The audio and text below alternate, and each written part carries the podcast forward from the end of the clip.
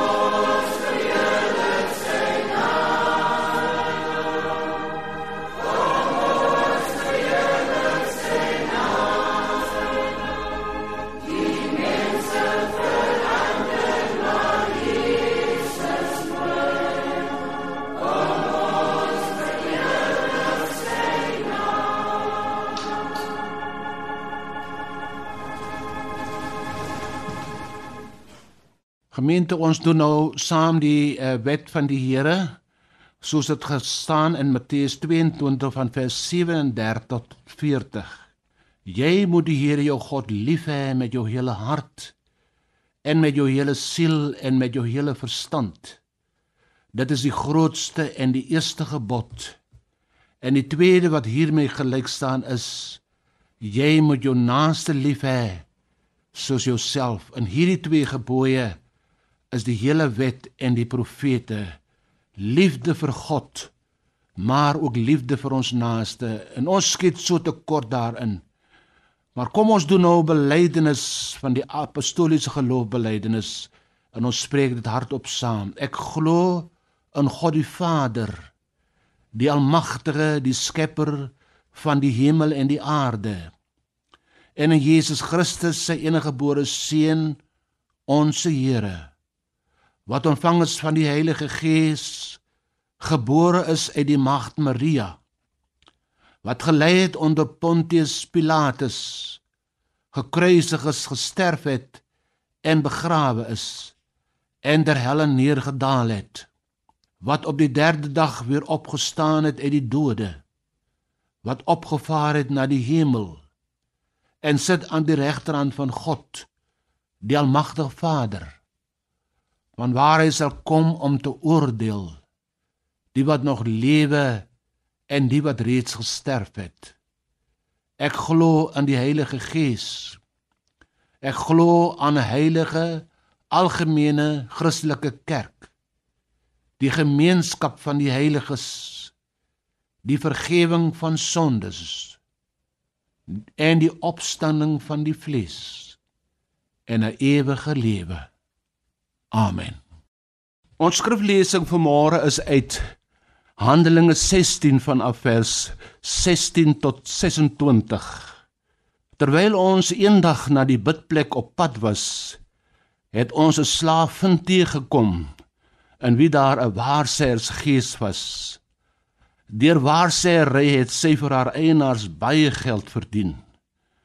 Sy het agter Paulus en ons aangeloop en aanhoudend geskree: Hierdie mense is dienaars van God die Allerhoogste. Hulle vertel vir julle hoe julle gered kan word.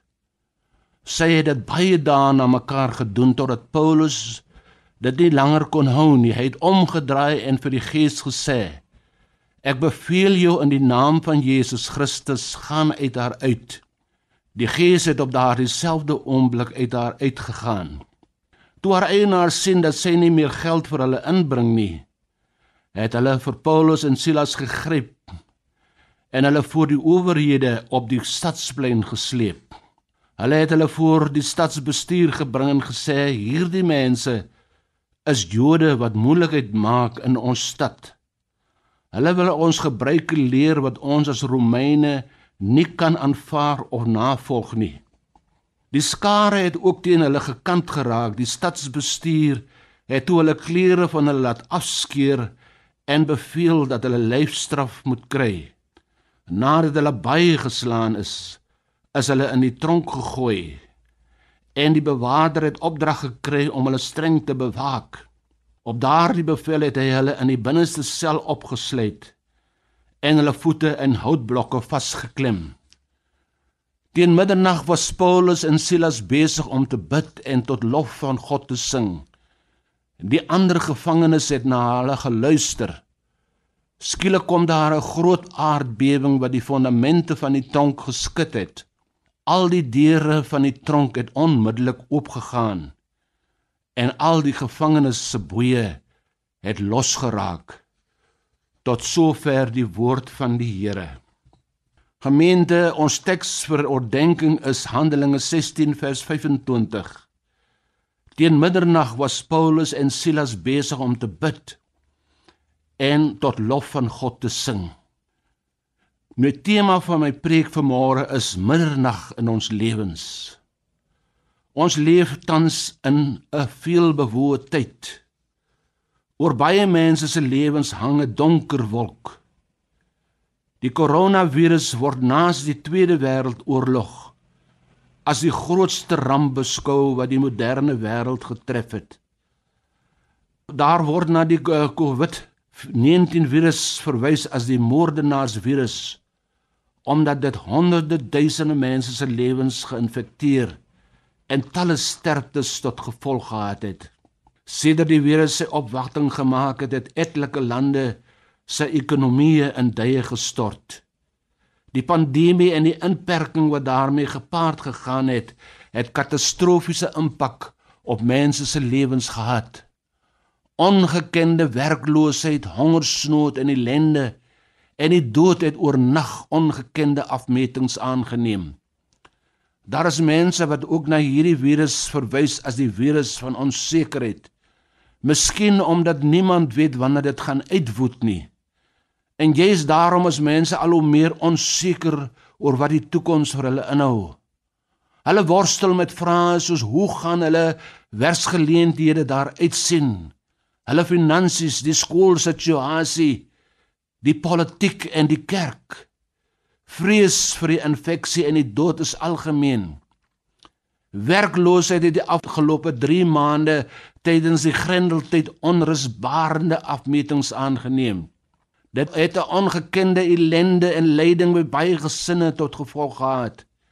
Die een krisis na die ander is besig om ons te tref. Mense in Suid-Afrika word daagliks gekonfronteer met skrikwekkende en vreesaanjaende pandemie wat besig is om ons land en sy mense te vernietig. Onder die omstandighede is daar vele wat ernstige geestelike vertwyfelings ervaar en wat in 'n poel van depressie en moedeloos gedompel is. Geweld teen vroue en kinders is 'n ander pandemie wat skokkend toeneem. Talle jong vroue en kinders het slagoffers geword en selfs op die wreedste wyse is hulle verkrag en vermoor. Dit alles het tot gevolg dat daar menigtes is wat in hierdie tyd in totale geestelike insinking en wanhoop verval het. Dis in sulke donker tye dat die Here ons deur sy woord wil bemoedig en versterk. Ons wil graag u aandag vestig op die optrede van Paulus en Silas in die donkerste oomblik van hulle lewe toe dit middernag was. Dit sluit aan by die tema van ons boodskap middernag in ons lewens. Dit is my gebed dat die optrede van die twee godsmanne vir u 'n bemoediging kan wees. Paulus en Silas het het 'n antwoord op die roepstem van die Macedoniese man na Europa gegaan. Hulle het eers na die stad Filippi gereis. Filippi was geleë op die belangrike handelsweg tussen die Adriatiese en die Egeïese See wat Italië met die oostelike provinsies verbind het. Die stad was 'n Romeinse Romeinse kolonie en dit is die plek waar oudgediende soldate gewoon het omdat hulle hier 'n stuk grond as deel van hulle pensioen gekry het. Daar was 'n klein groepie Jode in Filippi wat nie 'n sinagoge in stand kon hou nie. Daarom het hulle sommer naby die rivier by die stad aanbid. Baie groot was die onnigtering wat vir Paulus en Silas in Filippi gewag het. Terwyl hulle eendag op pad na die bidplek was, het hulle 'n slavin met 'n waarsêersgees teëgekom. Die slavin, wat 'n bron van inkomste vir haar eienaars was, het aanhoudend agter hulle aangeloop en geskree dat hulle dienaars van God is en dat hulle die mense vertel hoe hulle gered kan word. Dit het daar so aangehou en uit radeloosheid het Paulus die gees in die naam van die Here uit die slaafin uitgejaag. Die eienaars van die slaafin was woedend omdat hulle hulle bron van inkomste verloor het. Hulle moes mense van gesag gewees het want hulle het die skare van die stad in hulle kant gekry. Paulus en Silas word na die owerhede op die markplein gesleep waar hulle valslik beskuldig is Hulle is verder op die wreedste wyse mishandel. Hulle klere is van hulle afgeskeur en hulle is met stokke geslaan. Ons lees hulle was baie geslaan en in die binneste sel opgesluit. Hulle was gegryp en in die binneste sel van die tronk opgesluit. Dit was gewoonlik waar die gevaarlikste misdadigers aangehou was. Die binneste sel was die onderaardse gedeelte van die tronk. Gevangenes wat hier aangehou was was ook in boeye geplaas. In hierdie deel van die tronk was daar geen lig nie, maar dag en nag pikdonker. Dit was uiters onaangenaam en onmenslik om op jou in hierdie plek te bevind. Paulus en Silas half nakend, want hulle klere was van hulle liggaam afgeskeur, toe hulle geslaan is, sit in geboei in hierdie donker onmenslike deel van die tronk opgesluit.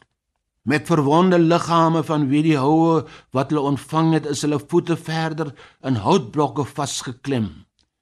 Die houtblokke was gemaak van twee houtblokke wat met esterklempe aan mekaar gehou is met gate waardeur die gevangenes se enkels kon pas. So gevangenes se bene is tussen die twee blokke vasgeknyp.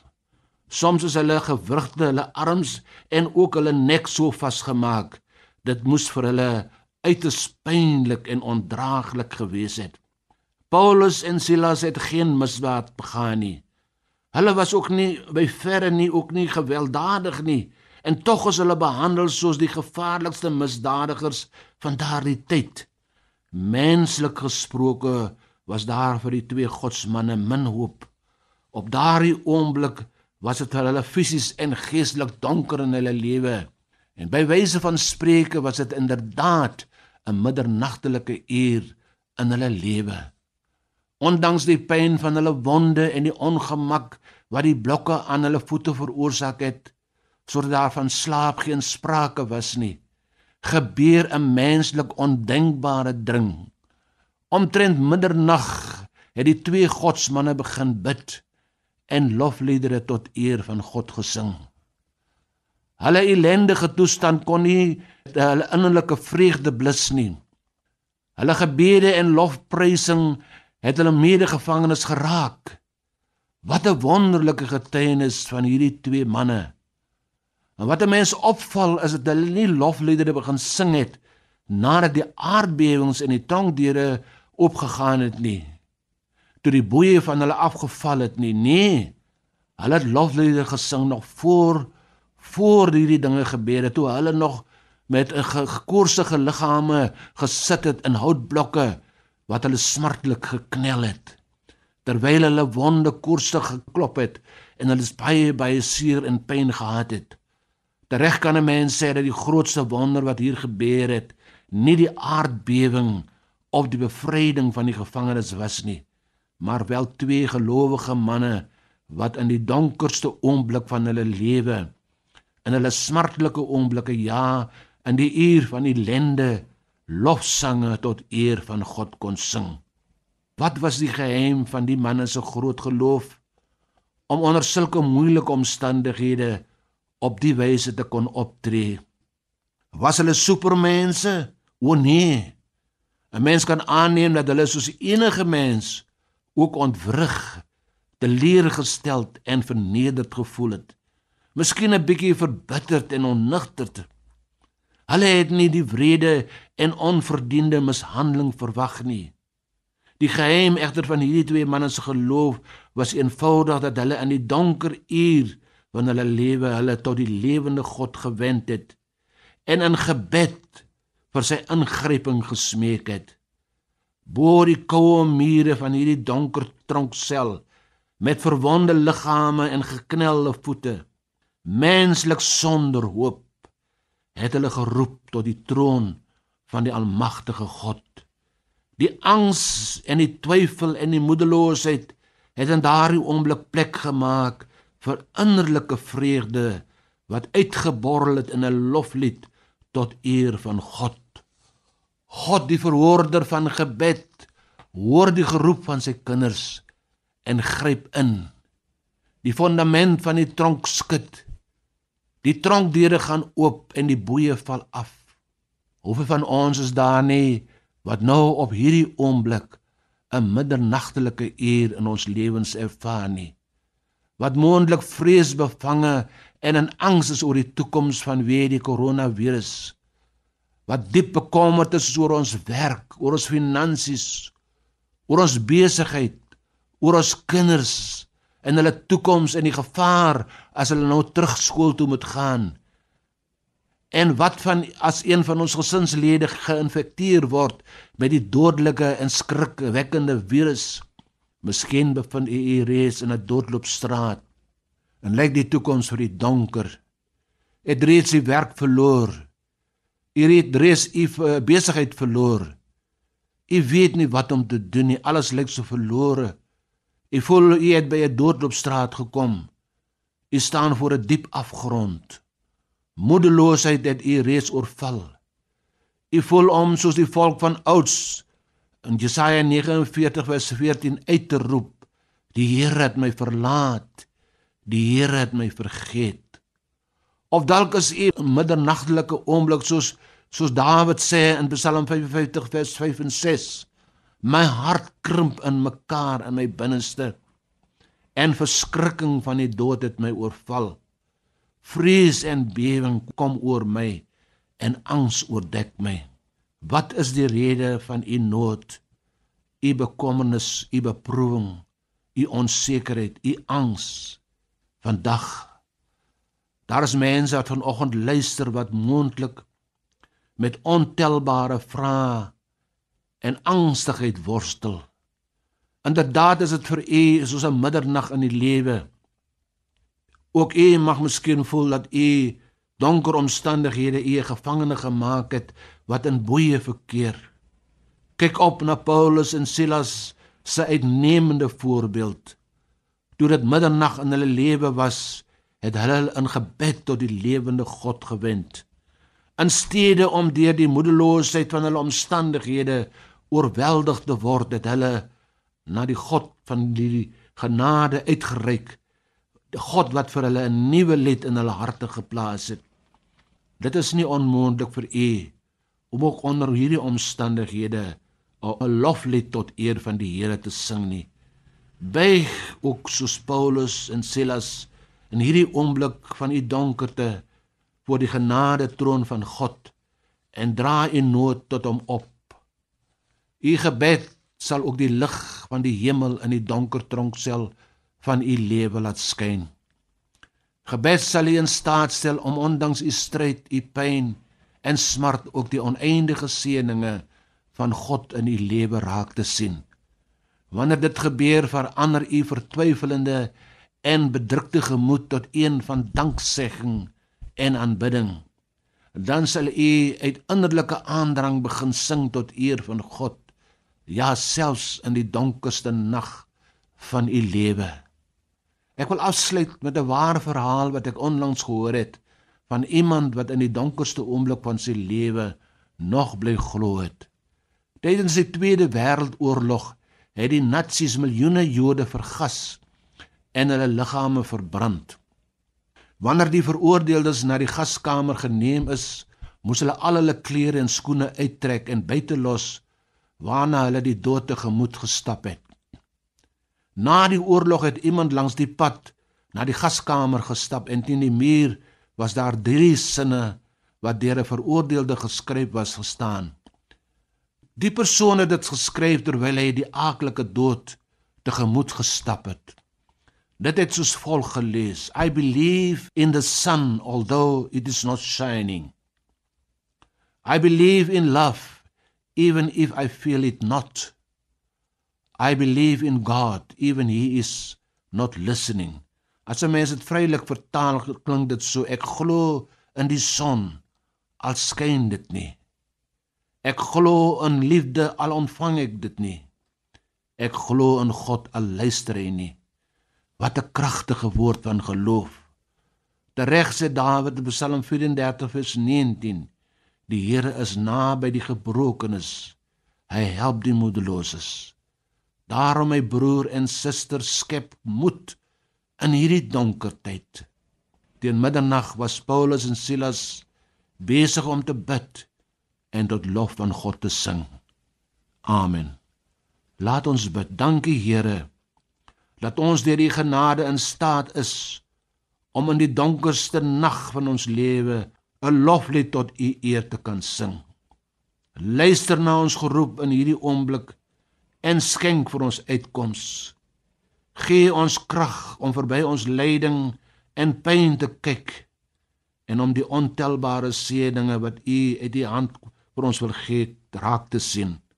Dan sal ons in staat gestel wees om onder alle omstandighede tot u eer te sing. Amen. Kom ons sing nou ten slotte 'n lied tot eer van die Here.